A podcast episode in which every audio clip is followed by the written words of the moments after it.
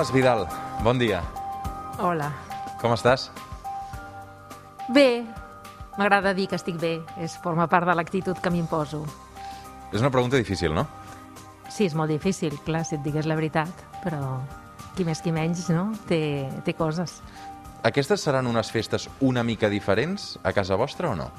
Home, aquestes seran unes festes molt diferents a casa de tothom, suposo, no? Perquè el tema Covid, eh, doncs, eh, clar, ho, ho, ho ocupa tot. Uh, però també la veritat és que, clar, el Joaquim serà a casa, no? I això també ara també mm, és com una cosa una mica estranya.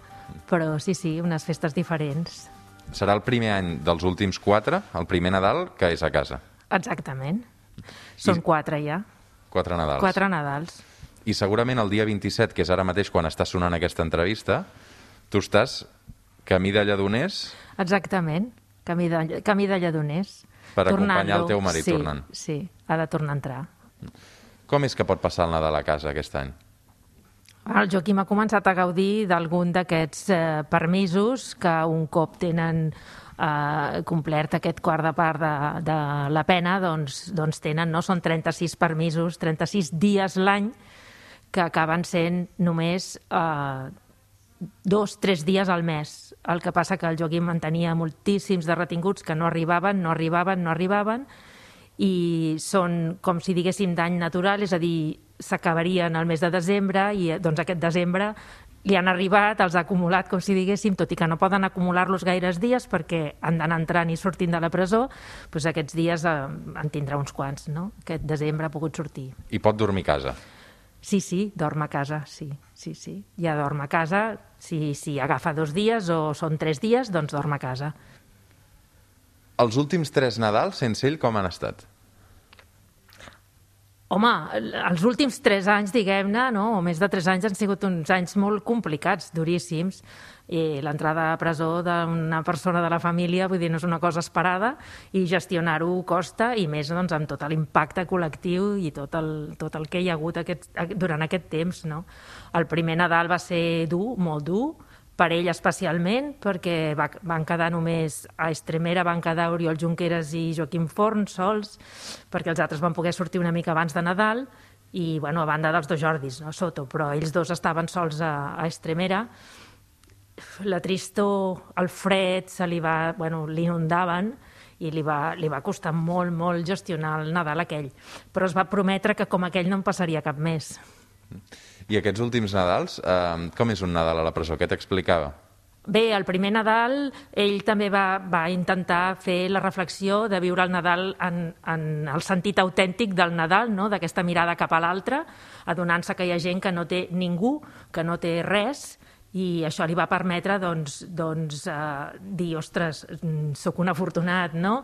Ens va escriure una carta preciosa que nosaltres vam compartir amb tota la família, d'un costat i de l'altre, dient, doncs, no dongueu gust a aquells que ens voldrien tristos no? i que se, se, se n'alegren de que no el puguem celebrar, celebreu-lo sobretot, i, i fixeu-vos més en allò que tenim, no pas en allò que ens manca i va ser un Nadal doncs, especialment bonic en aquest sentit, no? perquè el vam viure justament amb, aquesta, amb aquest sentit total de, de Nadal i de mirada cap a l'altre. Mm. Ara esteu a punt d'obrir una nova fase, eh, també per aquestes entrades i sortides, no? i per la proximitat també d'aquest tercer grau. Entrar i sortir de la presó, com és? Com es gestiona això? Perquè tampoc deu ser fàcil, no? Després de tres anys sense la teva parella a casa, la tornada deu ser molt complicada, no? Bueno, això està sent, la veritat, molt dur i complicat. Eh, eh, primerament perquè el, el règim penitenciari preveu una progressió en graus que està prevista justament perquè la gent es vagi incorporant a lo que seria una vida normal. Eh, és compliment de la pena, però un compliment que els permet doncs, anar-se inserint en la societat, que és la finalitat de la presó. Però com que són presos polítics, amb ells se'ls hi nega, no? I que és una cosa de la que gaudeixen tots els presos, no? Perquè, perquè no té cap sentit aparcar la gent en una presó i deixar-los sense eines vitals. Clar, que ells poguessin sortir a treballar doncs era una mica mm, començar a projectar un futur o un nou futur i que això doncs, se'ls negui amb uns arguments absurds perquè a més a més no s'aguanten, doncs fa mal perquè no et dona perspectives, no?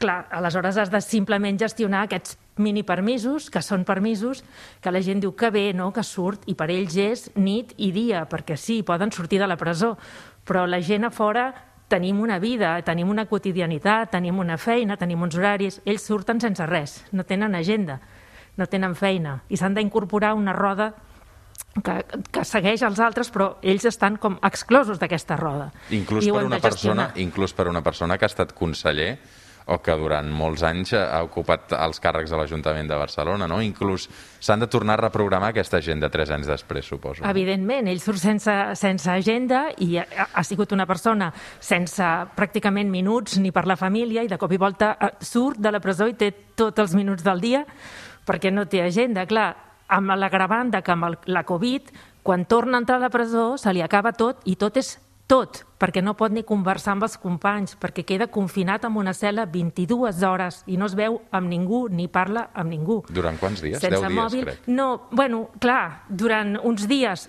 El, el fet és que ara aquests últims dies, com que entra i surt, doncs ja no li dona temps ni de fer la prova de, de la, ni el PCR i esperar resultats.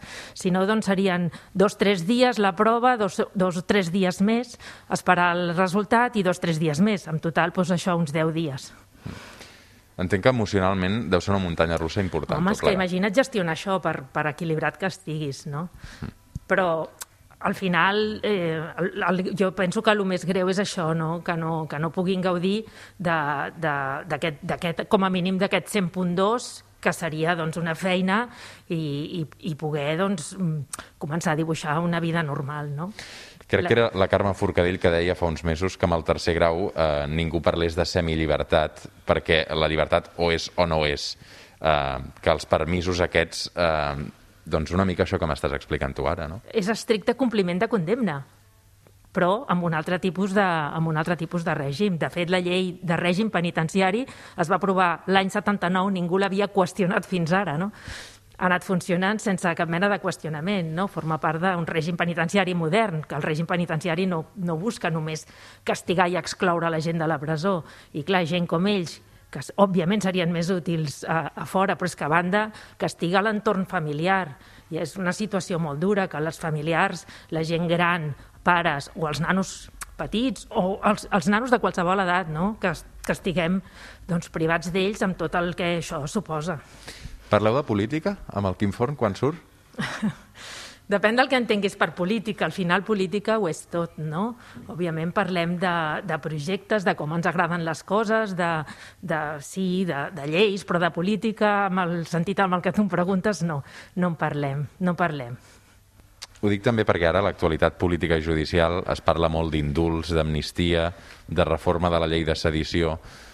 Tu, això, eh, hi confies que et pugui ajudar a millorar la situació de, de la teva parella i dels presos polítics o no? Jo sóc molt escèptica, amb aquest temps he après a gestionar la incertesa i a no fer gaires previsions. La Covid ho ha acabat de complicar tot, no? tot allò que ens havien explicat de fer previsions de futur ara mateix, doncs el que és més intel·ligent és po- potser no, no fer-les i no hi posem, no hi posem moltes expectatives, el que hagi de venir vindrà.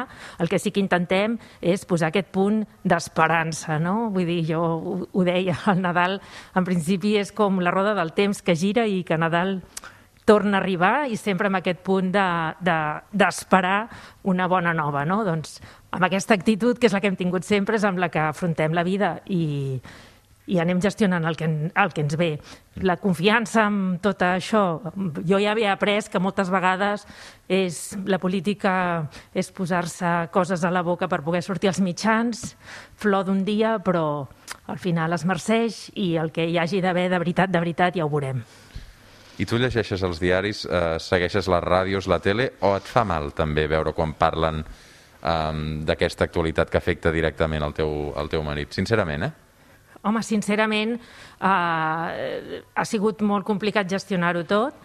Eh, M'he vist superada en molts moments, en d'altres fins i tot m'he sentit utilitzada i ara prefereixo no viure la- l'actualitat perquè em fa mala sang. Tot plegat és prou difícil i estic una mica aïllada. I les teves filles com ho porten? Teniu dues filles, no? Que són, són, són grans ja. Uh, crec que n'hi ha, ha una que viu a Londres. Exacte. Sí. Com viuen aquesta situació també el, el quart Nadal? Bé, ha costat, jo sempre ho parlo, no? pels que tenen fills petits, eh, la, la cosa és molt complicada, no? però cada edat té la seva cosa i, i les famílies doncs, som les que som. Les meves filles amb aquest temps han acabat estudis, s'han aparellat, no? la petita també està pràcticament acabat, acabat els estudis, eh, dibuixant el seu futur professional, s'han fet grans i tot això doncs, el Joaquim ho ha viscut des de la presó. No vull dir que s'ho hagi perdut perquè, perquè bueno, doncs hem intentat doncs, que no s'ho perdi, però, però és obvi que, que la casa que ell va deixar, com si diguéssim, ara quan arriba, doncs és una altra casa, és una altra llar, no? Però elles, doncs, doncs bé, han crescut, han fet un creixement mm, important. Al final, no sé si és en Carles Meli, que li llegia l'altre dia, que deia que la justícia és com un desig, no? Eh, però la injustícia és una experiència i nosaltres vivim aquesta experiència de la injustícia perquè és obvi que és una injustícia i el que procurem de totes les experiències és treure'ns lli lliçons positives i elles també ho fan. Laura Masvidal, moltes, moltes gràcies. Sé que no és tan fàcil això. T'ho agraeixo molt. Gràcies a vosaltres. Catalunya Ràdio, el suplement. Roger Escapa.